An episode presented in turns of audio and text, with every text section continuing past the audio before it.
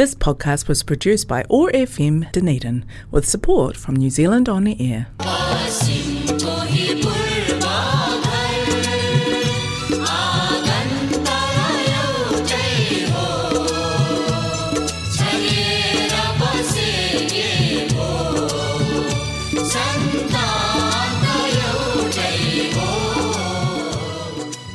No mai haere mai. Namaste. हरेक मङ्गलबार साँझको छ तिस बजे प्रसारण हुने ओट्यागो एक्सेस रेडियोबाट सञ्चालित कार्यक्रम हाम्रो आवाजमा म टिका कौशिकको सम्पूर्ण श्रोताहरूमा हार्दिक अभिवादन।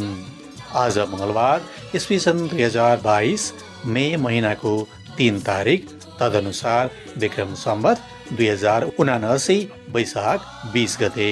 दैनिक नेपाली समाजको प्रस्तुति रहेको छ कार्यक्रम हाम्रो आवाज भने यस कार्यक्रमलाई प्रायोजन गरेको छ कनेक्टिङ कल्चर एथनिक कम्युनिटिजले कार्यक्रम हाम्रो आवाज ओट्यागो एक्सेस रेडियो एक सय पाँच दशमलव चार मेगाहजमा हरेक मङ्गलबार न्युजिल्यान्डको समयअनुसार साँझ छ तिस बजेदेखि सात बजेसम्म सुन्न सक्नुहुनेछ भने पोडकास्ट तथा आइट्युन्सबाट तपाईँले चाहेको बेलामा सुन्न सक्नुहुनेछ। श्रोताहरू सगरमाथा विश्वकै सर्वोच्च शिखर हो। यो नेपालीको पहिचानसँग जोडिएको छ। सर्वोच्च शिखरको पहिलो आरोहण भएको आउँदो मेको उन्तिस तारिकका दिन उनासत्तरी वर्ष हुँदैछ। नेपालका तेन्जिङ नोर्गे शेर्पा र न्युजिल्यान्डका सर एडमन्ड हिलरीले सगरमाथा आरोहण गरेसँगै नेपाल र न्युजिल्यान्डको सम्बन्ध प्रगाड भएको छ। आज हामी छलफलका क्रममा छौँ। सगरमाथा दिवस दुई हजार बाइस मनाउने बारे र आज छलफलमा मसँग हुनुहुन्छ एनआरएनए न्युजिल्यान्डका सचिव विकास पोखरेल। कार्यक्रममा स्वागत छ विकास यहाँलाई। हजुर नमस्ते धन्यवाद। आराम हुनुहुन्छ? हजुर एकदमै आराम छु। अब सगरमाथा दिवस मनाउने क्रममा आज हामी छलफल गर्नेछौँ। मैले भर्खरै भनिसकेँ विकासजी। सगरमाथा दिवसको बारेमा हामी थोरै छलफल गरौँ। यो सगरमाथा दिवस भनेको के हो र किन मनाइँदैछ र कहिले मनाइँदैछ यसको बारेमा हामीलाई जानकारी गराइदिनुहोस् न। धन्यवाद प्रश्नको लागि। वास्तवमा यो सगरमाथा दिवसलाई हामीले न्युजिल्यान्डमा चाहिँ एभरेस्ट डे भनेर पछिल्ला केही समयदेखि मनाउँदै आएका छौँ। यसको ठ्याक्क एनआरएनए चाहिँ इन्भल्भ भएर मनाउन थालेको चाहिँ दुई हजार चौधदेखि हो। तर हामीलाई प्राप्त जानकारी अनुसार त्योभन्दा पहिला पनि क्यान्टेबरीको क्राइस्ट सोसाइटीबाट चाहिँ यो एभरेस्ट डे प्रोग्राम आयोजना भएको थियो भन्ने हामीलाई जानकारी भएको छ। तर एनआरएनए अथवा भनौँ गैरावासी नेपाली सङ्घ न्युजिल्यान्ड चाहिँ आबद्ध भएर यो एभरेस्ट डे प्रोग्राम आयोजना हुन लागेको दुई हजार चौधदेखि हो। र दुई हजार सोह्र र अठारमा चाहिँ यो कार्यक्रम चाहिँ क्राइस्ट चर्चमा भयो भने त्यो बाहेक दुई हजार बिसमा यो कार्यक्रम हुन सकेन कोभिड नाइन्टिनको लकडाउनको कारणले। त्यो बाहेकका सबै समयहरूमा चाहिँ यो कार्यक्रम अकल्यान्डमा विशेष गरी हुँदै आएको छ। अनि यो एभरेस्ट डेमा चाहिँ हामीले विशेषतः एभरेस्ट माउन्ट एभरेस्टमा चाहिँ चढ्नुहुने माउन्टेनियरहरू त्यसै गरी आएर चाहिँ हामीले जस्तै न्युजिल्यान्डका अन्य सङ्घ संस्थाहरू जस्तै हिमालयन ट्रस्ट उहाँहरूसँग मिलेर प्लस हिलारीको फ्यामिली र त्यसै गरी आएर चाहिँ अन्य यो चाहिँ माउन्टेनियरिङ कम्युनिटी न्युजिल्यान्डका माउन्टेनियरिङ कम्युनिटीका व्यक्ति विशेषहरूलाई हामीले बोलाएर चाहिँ यो कार्यक्रम हाम्रो नेपाली समुदायमा चाहिँ मनाउने गरेका छौँ।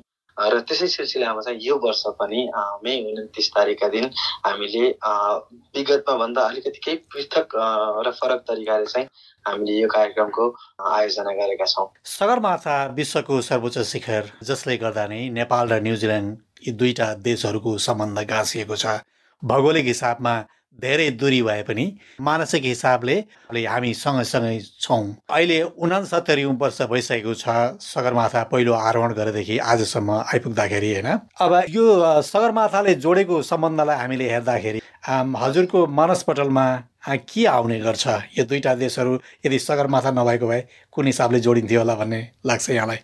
वास्तवमा यहाँको भौगोलिक बनावट र अलिकति यहाँको चाहिँ टुरिज्मको पर्यटनको हिसाबले यहाँको जुन चाहिँ विशेषतः साउथ आइल्यान्डमा चाहिँ साउदर्न आइल्सलाई हामीले सरसरी नेपालको माउन्टेन रेन्जसँग अलिकति हेर्दाखेरि त्यहाँ तुलनात्मक हिसाबले केही समानता भए पनि। अब अरू हिसाबले चाहिँ दुरीको हिसाबले पनि हामी हजुरले भने जस्तै दुरीको हिसाबले पनि हामी निकै टाढा र एउटा एक हिसाबले चाहिँ भन्ने हो भने जति पनि चाहिँ यो ब्रिटिस साम्राज्यबाट शासित देशहरूको एउटा एउटा जुन जुन छ नि हाम्रो के के भन्छ त्यसलाई? उपनिवेश भएको मुलुकहरूको हिसाबले पनि हामी जोडिने ठाउँ चाहिँ थिएन खास। भौगोलिक हिसाबले पनि टाढा र उपनिवेश नभएको हिसाबले पनि हामी चाहिँ अब नेपाल आफैमा पनि सधैँभरि इन्डिपेन्डेन्ट देश भएको हिसाबले पनि त्यो हिसाबले पनि हामी खास न्युजिल्यान्डसँग चाहिँ प्रत्यक्ष रूपमा चाहिँ हामी जोडिने अवस्था थिएन। तर पक्कै पनि यो जुन चाहिँ नाइन्टिन फिफ्टी थ्री मे उन्तिसको दिनमा चाहिँ न्युजिल्यान्डको सर एडमन हिलारी र नेपाल नेपाली छोरो तेन्जिङ नौगी शेर्पाले जुन एकै समयमा चाहिँ सगरमाथाको पहिलो आरोहण गर्नुभयो। यो कारणले यी दुई देशलाई न्युजिल्यान्डलाई मात्र नभएर नेपाललाई मात्रै पनि नभएर यी दुवै देशलाई चाहिँ विश्व मानचित्रमा चाहिँ सँगै ल्याएर उभ्याएको एउटा चाहिँ यो यो भनौँ मानव इतिहासको एउटा ठुलो घटनाक्रम र ठुलो उपलब्धि भएको हिसाबले पनि यो एचिभमेन्ट वास्तवमा एउटा चाहिँ भनौँ मानव विकास क्रममा हुन्छ। त्यस त्यस पछाडिको समयमा चाहिँ भनौँ माउन्ट एभरेस्टदेखि लिएर मान्छे अब बिस्तारै चाहिँ चन्द्रमादेखि लिएर अब मार्ससम्म जाने कुराहरू छ। यो त्यस्तै गरी चाहिँ एउटा मेजर इभेन्टमा नेपाल र न्युजिल्यान्ड साक्षी हुँदाखेरि र सिङ्गो विश्वले त्यसको चाहिँ हेर्दाखेरि चाहिँ पक्कै पनि विश्व मानचित्रमा यी दुवै देशलाई चाहिँ सँगसँगै अगाडि ल्याएको यो अवसर हो। यसबाट चाहिँ हामी दुई देशका आम नागरिकहरूलाई पनि जस्तो अब सरकारको लेभलमा चाहिँ अब बाइलेट्रल सम्बन्ध यसै यसै पछाडि बिस्तारै स्थापित हुँदै गए पनि अब भनौँ हामी दुई देशका नागरिक बिच पनि एक किसिमको भावनात्मक सम्बन्ध चाहिँ मैले यहाँ न्युजिल्यान्ड आएदेखि नै महसुस गरेको छु। सामान्यतया चाहिँ जहिले पनि अवसर पाउँदाखेरि चाहिँ मैले यहाँको आम न्युजिल्यान्डरलाई चाहिँ म नेपालबाट हो म नेपालबाट आएको हो भनेर भन्दाखेरि चाहिँ कतिपय अरू देशमा जाँदाखेरि चाहिँ नेपाल भन्ने देशै पनि नसुने पनि यहाँ चाहिँ ओहो नेपालबाट हो भनेर चाहिँ यहाँ आम न्युजिल्यान्डले चाहिँ अलिक विशेष तरिकाले विशेष चाख दिएर चाहिँ हामीलाई हेर्ने गरेको पाएको छु र यो यो जुन किसिमको हाम्रो विशेष परिस्थिति यहाँ सिर्जना भएको छ यो पक्कै पनि यो चाहिँ सगरमाथा आरोहणको पहिलो त्यो त्यो बिन्दुबाट नै सुरु भएको जस्तो लाग्छ। यो म मात्रै नभएर आम रूपमा चाहिँ न्युजिल्यान्डमा बस्ने अन्य नेपालीहरूले पनि महसुस गरेको कुरा हुनुपर्छ।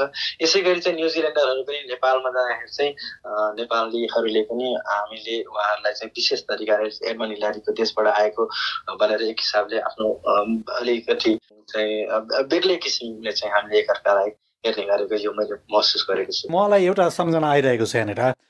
नेपालको भन्ने बित्तिकै कतिजना न्युजिल्यान्डवासीहरूले तिमी त सगरमाथाको देशबाट आएको सगरमाथा चढेको होला भनेर सोध्नुहुन्छ होइन? न्युजिल्यान्डबाट भनौँ न अब तेन्जङ हिलरीलाई हामीले सम्झिनु पर्दाखेरि कसरी सम्झनुहुन्छ?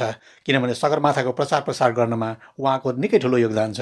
सर एडमन हिलेरीसँग चाहिँ पक्कै पनि माउन्ट एभरेस्ट अथवा भनौँ सगरमाथा आरोहणको हिसाबले तेन्जिङ नर्गेस जुन चाहिँ नेपाली छोरो हुनुहुन्छ र त्यसै गरी चाहिँ एडमन हिलारी यी दुवैजनाको नाम सँगसँगै आउने गर्छ।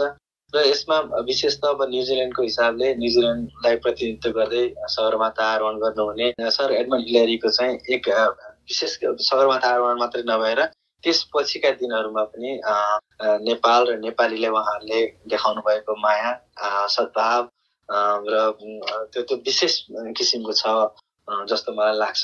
उहाँले चाहिँ जुन परोपकारी कामहरू उहाँले थालनी गर्नुभएको छ विशेष त खुम्बु क्षेत्रमा चाहिँ उहाँले जुन स्कुलहरूमा शिक्षा स्वास्थ्य र खानेपानी जस्ता क्षेत्रमा चाहिँ उहाँले जुन किसिमको आफ्नो संस्था मार्फत चाहिँ हिमालयन ट्रस्ट भन्ने संस्था मार्फत चाहिँ जुन किसिमको सहयोग गर्ने उहाँले प्रयत्न गर्नुभएको छ। अहिले उहाँको पछि पनि उहाँका छोरा नाति पिटर हिलारी एलेक्जेन्डर हिलारीले पनि त्यो कुरालाई निरन्तरता बेग्लै किसिमको चाहिँ माया र आत्मीयता नेपालका दुर्गम भूभागमा रहेका त सोलुखम्बु क्षेत्रमा रहेको त्यो क्षेत्रमा चाहिँ जुन किसिमको उहाँले सहयोग पुर्याउँदै आउनुभएको छ त्यो पनि वास्तवमा निकै नै अतुलनीय छ र यो यस किसिमको सहयोगबाट चाहिँ उहाँ उहाँको यस किसिमको सहयोग नेपाल र नेपाली प्रतिको माया र स्नेह प्रति हामी नेपाली सदैव कृतज्ञ छौँ र हामी नेपालीले पनि यहाँ न्युजिल्यान्डमा चाहिँ उहाँको फ्यामिलीलाई अहिले उहाँको मिसेस जुन हिलारीलाई हाम्रो विशेष कार्यक्रमहरूमा उहाँलाई सकेसम्म उहाँलाई हामीले चाहिँ आमन्त्रित गर्छौँ। र अहिले आगामी एभरेस्ट डेमा पनि हामीले अकल्यान्डको कार्यक्रममा चाहिँ उहाँहरूलाई आमन्त्रण गरेका छौँ। विकास अब यो एनआरएनए न्युजिल्यान्डले यो सगरमाथा दिवसलाई कसरी मनाउने योजना बनाएको छ यो वर्षको लागि त्यसको छोटकरीमा जानकारी दिनुहोस् न। त्यहाँ कुनै विशेष पर्वतारोहीहरूलाई पनि बोलाउनु भएको छ? हामीले विशेष त अहिले अहिले चाहिँ विशेष यो कोभिड नाइन्टिनको रेस्ट्रिक्सनको बोर्डर रेस्ट्रिक्सनको कारणले गर्दाखेरि चाहिँ न्युजिल्यान्ड बाहिरबाट थुप्रै पर्यटन अथवा भनौँ पर्वतारोहहरूलाई हामीले न्युजिल्यान्डमा चाहिँ बोलाउन सकेनौँ। तर यहाँ स्थानीय रूपमा हामीलाई उपलब्ध पर्वत आरोहीहरूलाई हामीले चाहिँ कार्यक्रममा आमन्त्रित गरेर उहाँहरूको उहाँहरूको चाहिँ अलिकति थोरै अनुभव पनि सुनेर र यो कार्यक्रमलाई चाहिँ हामीले विशेष तरिकाले मनाउने यो वर्ष तयारी गरेका छौँ। यो यो वर्षको कार्यक्रमको चाहिँ विशेष किसिमको चाहिँ एउटा नेचर के छ भन्दाखेरि हामीले विगतका दिनहरूमा सामान्यतया चाहिँ हामीले एउटा मात्रै भेन्यूमा गर्ने गर्थ्यौँ भने योपालि हामीले छवटा फरक फरक ठाउँहरूमा चाहिँ यो एभरेस्ट डे कार्यक्रम गर्दैछौँ। जस्तो कि हामीले साउथ आइल्यान्डमा मात्रै दुईवटा भेन्यूमा एउटा चाहिँ इन्भो कारगिलमा गर्दैछौँ भने अर्को इभेन्ट क्राइस्टमा हुँदैछ। त्यस्तै चाहिँ हाम्रो नर्थ आइल्यान्डमा अकल्यान्ड अनि हेमिल्टन अनि बे अफ प्लेन्टी र त्यसै गरी आएर चाहिँ हाम्रो वेलिङटनमा पनि यो कार्यक्रम हुँदैछ। वेलिङटनको कार्यक्रम चाहिँ त्यहाँनिर को वेलिङटन नेप्लिस सोसाइटीको सहकार्यमा हामी चाहिँ वेलिङटन नेप्लिस सोसाइटीलाई हामी सहयोग पुर्याउँदैछौँ र त्यो कार्यक्रम चाहिँ विशेषतः पार्लियामेन्ट हलमा यहाँका एमपी हरूबाट चाहिँ त्यो कार्यक्रमको आयोजना भएको छ। उहाँहरूले नै त्यो कार्यक्रमलाई होस्ट गर्दै हुनुहुन्छ र त्यसमा पनि हाम्रो विशेष अतिथिहरू जस्तो न्युजिल्यान्ड बाहिरबाट पनि अब भिजा वेफियर कन्ट्रीहरूमा रहनुभएका हाम्रा जस्तो अस्ट्रेलियाबाट हाम्रो एमबिएससीको एक्जिक्युटिभ्सहरू त्यस्तै आएर चाहिँ एनआरएनका ग्लोबलका प्रेसिडेन्टज्यूहरू लगायत अन्य पदाधिकारीज्यूहरू पनि अहिले यो कार्यक्रम विशेषको लागि चाहिँ न्युजिल्यान्डमा आउँदै हुनुहुन्छ। योपालिको एउटा एउटा फरक परिस्थिति के छ भन्दाखेरि हामीले अलिकति कोभिड रेस्ट्रिक्सनको कारणले पनि र प्लस यो एभरेस्ट डे भनेको कुनै एउटा ठाउँ विशेषमा मात्रै नभएर देशैभरि न्युजिल्यान्डभरि नै सबैतिर चाहिँ आम रूपमा चाहिँ नेपालीहरू बसोबास गर्ने सबैको पहुँचमा पुऱ्याउँ भन्ने उद्देश्यले फरक फरक स्थानमा हामीले यसरी लगेका छौँ। र एट द सेम टाइम हामीले के पनि चाहेका छौँ भने यो एभरेस्ट डे माउन्ट एभरेस्ट सगरमाथाको महत्त्व हामी नेपालीमा त सधैँभरि छ हामी सानैदेखि यहाँ आएर पनि छ नेपालमा हुँदा पनि छ। तर हामीले यो महत्त्वलाई सगरमाथा माउन्ट एभरेस्ट हामीलाई जति महत्त्वपूर्ण छ त्यति नै महत्त्वपूर्ण आम न्युजिल्यान्डरहरूलाई पनि छ र हामीले चाहिँ यो पालि यो वर्षको हाम्रा कार्यक्रमहरूमा यहाँका स्थानीय न्युजिल्यान्डर अथवा अन्य एथिनिसिटीको चाहिँ पार्टिसिपेसन पनि हामीले प्रोग्राममा गराउन सक्यौँ भने त्यसले चाहिँ यसको महत्त्व अझ बढाउँछ र एभरेस्टको वास्तवमा महत्त्व बढ्नु न्युजिल्यान्डमा भनेको त्यसले हामी नेपाली समुदायलाई अब कुनै एउटा स्पेसिफिक हाम्रो नेपाली कम्युनिटी अर्गनाइजेसन मात्र नभएर थ्रु आउट नेप्लिस डायसपुरा न्युजिल्यान्डमा भएको सम्पूर्ण डायसपुरालाई नै यसले चाहिँ हामीलाई हामीलाई फाइदा पुऱ्याउँछ। त्यसले हाम्रो चाहिँ प्रति आम न्युजिल्यान्डरको दृष्टिकोण यत्तिकै पनि राम्रो छ। त्यसले अझ प्रगाड बनाउँछ र यसलाई चाहिँ यहाँ एभरेस्ट डेलाई अझ व्यापक रूपमा चाहिँ यहाँ सरकारी स्तरबाट पनि कसरी मनाउन सकिन्छ भन्ने कुरामा पनि बिस्तारै जब हामीले चाहिँ यसरी यो कार्यक्रमलाई अझ व्यापक बनाउँदै जान्छौँ आगामी वर्षहरूमा पनि त्यो हिसाबले चाहिँ यो कार्यक्रमको महत्त्व पनि बढ्दै जाने र सरकारले पनि यसलाई महत्त्व दिने अवस्था सिर्जना आउँछ जस्तो मलाई लाग्छ। निश्चय नै यसले नेपालीहरूको गौरव बढाउँछ र भनेको न्युजिल्यान्डमा रहेका अन्य न्युजिल्यान्डवासीहरूलाई पनि यसले धेरै जानकारी दिनेछ पक्कै पनि।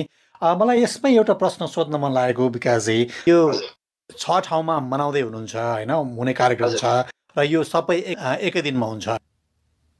यो कार्यक्रम चाहिँ जस्तो अकल्यान्डमा हेमिल्टनमा बे अफ प्लेन्टीमा अनि त्यसै गरी आएर क्राइस्ट चर्चमा चाहिँ मे उन्तिस तारिकका दिनमा हुँदैछ। मे उन्तिस तारिक भनेको सगरमाथा आरोहण भएकै दिन हो। र त्यसै गरी आएर चाहिँ वेलिङटनमा चाहिँ विशेष गरी यो पार्लियामेन्ट हलमा हुने भएको कारणले गर्दाखेरि चाहिँ त्यो पार्लियामेन्ट सार्वजनिक विधाको दिनमा अथवा भनौँ शनिबार आइतबार चाहिँ बन्द हुने हिसाबले पनि यो चाहिँ विक डेमा हुनुपर्ने भएको हिसाबले यो चाहिँ एकतिस तारिकमा थर्टी फर्स्ट अफ मे मङ्गलबारको दिनमा चाहिँ वेलिङटनमा हुँदैछ। त्यसै गरी जस्तो इन्भर खागिलमा चाहिँ योपालि त्यो ठ्याक्क मे उन्तिसमा चाहिँ हल उपलब्ध हुन नसकेको कारणले हामीले चाहिँ यसलाई मे अठाइस तारिकमा तयारी गर्दैछौँ इन्डोर कारगिलमा भने बाँकी अन्य ठाउँमा मे उन्तिसमा हुँदैछ धन्यवाद विकासजी यहाँहरूले विभिन्न नेपाली समाजहरूलाई सगरमाथा दिवस मनाउने सम्बन्धी पत्रचार गर्नुभएको छ के अरे नेपाली समाजबाट कस्तो किसिमको सहयोगको अपेक्षा राख्नु भएको छ अब वास्तवमा एनआरएनई न्युजिल्यान्डको एउटा अहिले पछिल्लो समय एउटा उद्देश्य के पनि हो भने यहाँ रहेका सम्पूर्ण नेपाली सङ्घ संस्थाहरू जुन विभिन्न क्षेत्रमा हुनुहुन्छ नर्थ तालिमदेखि साउथ तालिममा विभिन्न सिटीहरूमा टाउनहरूमा हुनुहुन्छ।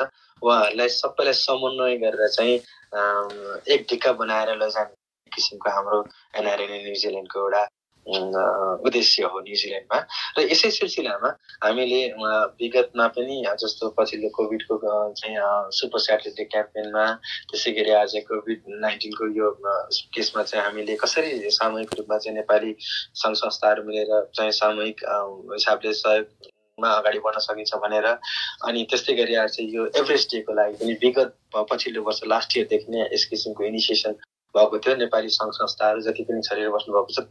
झन्डै झन्डै तिसभन्दा बढी नेपाली सङ्घ संस्थाहरू र स्पोर्ट्स क्लबहरू सबैसँग चाहिँ सहकार्यमा चाहिँ हामीले यो कार्यक्रम योपालि आयोजना गरेका छौँ। हामीले सबभन्दा पहिला त एउटा नेपाली कम्युनिटी अर्गनाइजेसन्सहरूलाई इमेल मार्फत पत्रचार गऱ्यौँ। त्यस पछाडि उहाँहरूसँग छलफल गऱ्यौँ अनि यो दृष्टि हामीले यसरी गर्दैछौँ भनेर जानकारी पनि गरायौँ र उहाँहरूले यसमा गो अहेड भनेर पनि भन्नुभएको छ। अब हजुरले प्रश्न गरे जस्तै हामीले उहाँहरूबाट अथवा नेपाली सङ्घ संस्थाबाट चाहिँ अपेक्षा गरेको के हो त भन्दाखेरि यस यस कार्यक्रममा चाहिँ किनभने यो एनआरएमले मात्रै गरेको कार्यक्रम होइन यो त होइन हामी पनि के भनिरहेका छौँ भन्दाखेरि यो कार्यक्रम चाहिँ नेपाली डायस्पोरा न्युजिल्यान्डले गरेको हो होइन?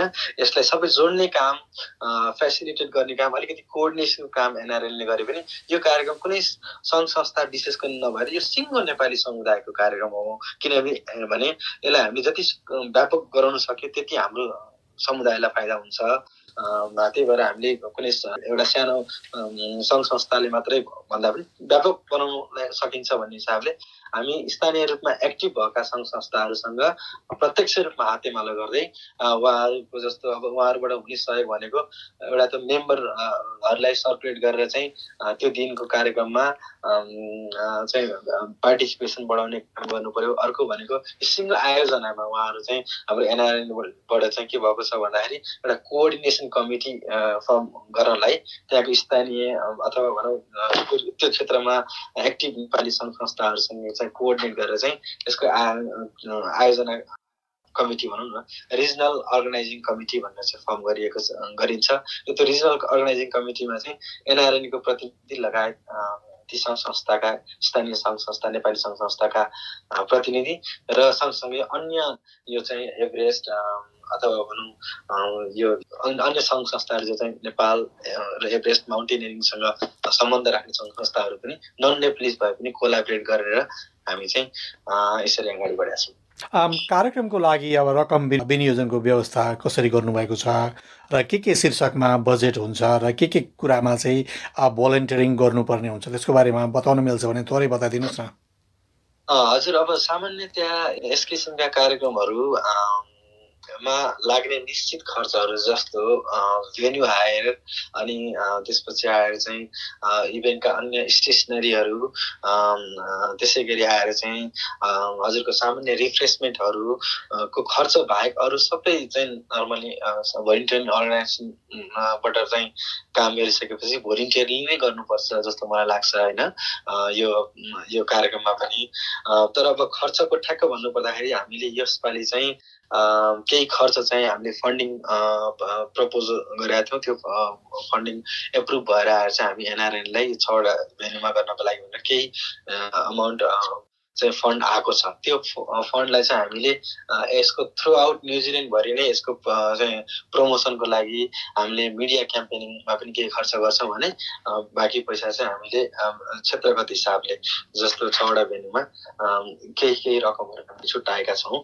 र त्यो रकम चाहिँ मैले भने जस्तै यसलाई खर्च अब स्टेज डेकोरेसनमा केही राख्न सकिन्छ। अनि त्यसै गरी आज जस्तो कल्चरल प्रोग्राम पनि केही इन्क्लुड हुन्छ भने कल्चरल ड्रेसहरूको खानेकुराको कुरा होला त्यसमा केही रेन्ट गर्नुपर्ने होला अथवा के छ उपलब्ध होइन? अनि त्यसै गरी आएर चाहिँ अब चाहिँ हेल्थ एन्ड सेनिटाइजेसनको आइटमहरू किन्नलाई पनि होला। योपालि अलिकति हेल्थ एन्ड सेनिटाइजेसनको कुराहरू पनि महत्त्वपूर्ण हुन्छ। त्यस्तै गरी आएर चाहिँ अर्को केही स्टेसनरीको कुराहरू अनि सस्तो साउन्ड सिस्टमको कुराहरू जुन अनि हल हायरको कुरा अनि त्यसै गरी रिफ्रेसमेन्ट लाइट रिफ्रेसमेन्टको यसमा चाहिँ विशेष त रकम खर्च गर्न सकिनेछ। र रकम नपुग भएको अवस्थामा हामीले यहाँबाट अलर्ट गरेको रकम नपुग भएको अवस्थामा चाहिँ स्थानीय सङ्घ संस्थाहरूको पनि सङ्घ संस्थाहरूले पनि त्यसमा थप गर्न सक्नुहुन्छ। धन्यवाद विकासजी। हामी कार्यक्रमको लगभग अन्त्यतिर आइसकेका छौँ होइन? एनआरएनए न्युजिल्यान्डको उद्देश्यमा भनौँ न स्थानीय नेपाली कम्युनिटीसँग सहकार्य गर्ने भन्ने यहाँको पोलिसीमा छ। तर यो सम्बन्ध त्यति विस्तार भएको बुझ्दैन स्थानीय नेपाली समाजहरूसँग होइन। त्यसले गर्दाखेरि कहिलेकाहीँ कार्यक्रम गर्ने खेरमा मात्रै हामीलाई भनौँ न त्यतिखेर मात्रै जोडिनु पुगिन्छ। त्योभन्दा अगाडि कुनै यसो सम्बन्ध विस्तार गर्ने कार्यक्रमहरू योजना बनाउनु भएको छ भने पछि पछिका दिनमा हामीलाई यस्ता किसिमका सामूहिक कार्यक्रम गर्न अलिक सहयोग हुन्थ्यो कि? एउटा चाहिँ एनआरएनको उद्देश्य हजुरले भने जस्तै डायस्पोरामा रहेको नेपाली कम्युनिटीलाई नेपालसँग जोड्ने हो। नेपालको स्थानीय नेपाली माटोसँग जोड्ने हो। र यसै सिलसिलामा चाहिँ पक्कै पनि सोचे अनुरूपको कामहरू त हुन सकेको छैनन् होला तर एनआरएनबाट केही हदसम्म काम भएको छ जस्तो चाहिँ अब ड्युअल सिटिजनसिपको कुराहरू धेरैचोटि उठिरहेका छन्। अब यसमा ठ्याक्क ड्युअल सिटिजनसिप नभए पनि एक किसिमको चाहिँ आइडेन्टिटीको लागि चाहिँ एनआरएनले के काम गरिरहेको छ त्यसै गरी आएर पछिल्लो समयमा चाहिँ नेपालमा डलर एकाउन्ट सकिने प्रयोजनको लागि पनि जस्तो विदेशबाट चाहिँ नेपालीहरूले सिधै नेपालमा लगानी गर्न सक्ने हिसाबले चाहिँ थोरै एमाउन्ट पहिला चाहिँ पाँच हजार र त्यसका चाहिँ अलिकति कागजी प्रक्रिया पनि लामो थियो भने योपालि सहज रूपमा चाहिँ एक हजार डलरसम्मदेखि नै चाहिँ नेपालमा खाता प्रत्यक्ष रूपमा चाहिँ खोल्न सकिने र नेपालमा हामीले पैसा पठाउन सकिने इन्भेस्टमेन्ट गर्न चाहेमा इन्भेस्ट गर्न सकिने किसिमको वातावरण पनि छ। त्यसै गरी आएर चाहिँ जस्तो अब भूकम्पदेखि लिएर विभिन्न दैविक प्रकोपको बेलामा पनि हामीले यहाँका स्थानीय सङ्घ संस्थाहरूसँग मिलेर चाहिँ नेपालमा सरसहयोग गर्दै आएका छौँ विभिन्न किसिमको दैविक प्रको अवस्थामा पनि। र अब जस्तो नेपाललाई कुनै पनि सहयोग गर्नु परेको अवस्थामा चाहिँ स्थानीय संस्था मार्फत गर्दाखेरि अलि रकम पनि थोरै हुनसक्छ भने हामी सबै चाहिँ अब न्युजिल्यान्डमा भएका सबै सङ्घ संस्थाहरूबाट चाहिँ गैर आवासीय नेपाली सङ्घ न्युजिल्यान्डको चाहिँ भनौँ एक किसिम कोअर्डिनेसनमा चाहिँ जम्मा गरेर पठाएको भनेर चाहिँ हामीले नेपालमा त्यसरी पैसा पठाउन पनि सकिन्छ र पहिला पनि पठाएको छ सहयोग पठाएको पनि छ। यस्तै यिनै कुराहरू हुन्। पक्कै पनि काम धेरै गर्नु बाँकी छ तर नयाँ कमिटी जुन हिसाबले आए पनि अहिले एकदमै कमिटेड भएर आउनुभएको छ। उहाँहरूले काम गरेर प्रुभ गर्नुहुन्छ भन्ने कुरामा हामी विश्वस्त छौँ र दुई चारवटा काम चाहिँ उहाँहरूले अगाडि बढाएको हामीलाई चाहिँ अलिकति अनुभूति पनि भएको छ। अब हेर्दै जाउँ हामीले यहाँबाट गर्नुपर्ने कुराहरूमा नेपाली सङ्घ संस्थाहरूले हामीलाई बेला बेलामा चाहिँ सल्लाह दिन सक्नुहुन्छ। नेपाली सङ्घ संस्थाहरू मात्रै नभएर चाहिँ आम नेपाली जो हुनुहुन्छ उहाँहरूले पनि अब एनआरएनबाट केही किसिमको कुराहरू होस् भन्ने चाहनुहुन्छ भने त्यस किसिमको सरसल्लाहको लागि चाहिँ हामी जहिले पनि ओपन छौँ। मेरो अझै फोकस चाहिँ विकास चाहिँ जस्तै न्युजिल्यान्डभित्र धेरैवटा नेपाली दर्ता भएका छन्। उहाँहरूसँग चाहिँ अलिकति आन्तरिक व्यवस्थापन आन्तरिक सम्बन्ध अलिकति बलियो भएको छैन कि? त्यसलाई चाहिँ अलिकति बलियो बनाउनु पर्छ कि भन्ने हिसाबले यो प्रश्न मैले राखेको विकास चाहिँ तपाईँले भने जस्तै आन्तरिक सम्बन्ध जस्तो अब एनआरएनको एक एक हिसाबले भन्ने हो भने हाम्रो एक्जिक्युटिभ टिममा हामीले सबै क्षेत्रलाई समेट्ने गरी हामीले चाहिँ एक्जिक्युटिभ कमिटी फर्मेसन गरेका हुन्छौँ। जस्तो हाम्रो अध्यक्ष महासचिव एक एकजना भए पनि सचिव हाम्रो एकजना नर्थ ल्यान्डको हुनुहुन्छ अनि एकजना सचिव चाहिँ साउथ ल्यान्डको हुनुहुन्छ होइन? त्यसै गरी आज उपाध्यक्ष पनि हाम्रो एकजना नर्थ ल्यान्डबाट हुनुहुन्छ भने अर्को एकजना उपाध्यक्ष साउथ ल्यान्डबाट हुनुहुन्छ।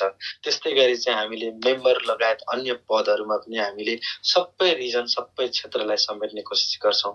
र हाम्रो विभिन्न क्षेत्रमा रहेका चाहिँ एनआरएनएलाई प्रतिनिधित्व गर्ने एक्जिक्युटिभ टिमका साथीहरूलाई हामीले त्यहाँको स्थानीय कमिटी स्थानीय नेपाली कम्युनिटी अर्गनाइजेसनसँग चाहिँ मिलेर काम गर्नलाई र उहाँहरूसँग सकेसम्म उहाँहरूले गर्ने प्रोग्राममा हाम्रो इन्भल्भमेन्ट हामीले कसरी सहयोग गर्न सक्छौँ उहाँहरूलाई सहयोग गर्ने भनेर हामीले त्यो प्रयास थालनी गरेका छौँ। तर हजुरले भने जस्तै अझै पुग्नुपर्ने ठाउँमा पुगेको नहुनु पनि सक्छ।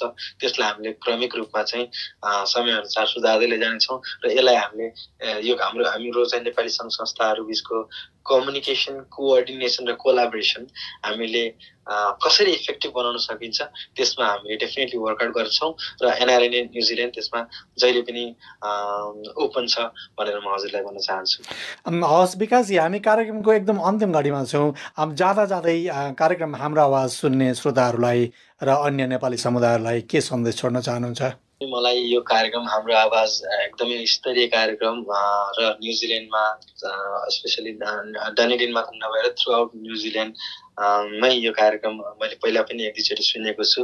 हजुरहरूको कार्यक्रम एकदमै इफेक्टिभ छ। यो कार्यक्रममा मलाई बोलाएर एभरेस्ट डेको बारेमा दुई चार शब्द राख्ने अवसर दिनु हो। यसको लागि हजुरलाई धेरै धेरै धन्यवाद। र सँगसँगै नेपालमा न्युजिल्यान्डमा बस्नुहुने सम्पूर्ण नेपाली समुदायका महानुभावहरूलाई मैले के भन्न चाहन्छु भन्दाखेरि यो एभरेस्ट डे अहिले विशेष त एभरेस्ट डेकै कुरा भएको हिसाबले पनि यो एभरेस्ट डे कार्यक्रमलाई हजुरहरूको बाहेक पर्ने ठाउँहरूमा सँगै सहभागिता जनाएर चाहिँ यो कार्यक्रमको आयोजक साथीहरूलाई हौसला प्रदान गरिदिनु होला भनेर भन्न चाहन्छु। ज्यादा जाँदै हाम्रो आवाजका प्रायोजक कनेक्टिङ कल्चर र यो आवाज तरङ्गित गराउने ओट्यागो एक्सेस रेडियोलाई धेरै धेरै धन्यवाद। त्यस्तै गरी आजका मेरा अतिथि विकास पोखरेललाई पनि धेरै धेरै धन्यवाद भन्दै आउँदो मङ्गलबार साँझ छ तिस बजे फेरि भेट्ने बाजाका साथ प्राविधिक मित्र जेफ र म टिका कौशिक ओजेल हुन चाहन्छु नमस्ते शुभरात्रि This podcast was produced by ORFM Dunedin with support from New Zealand On the Air.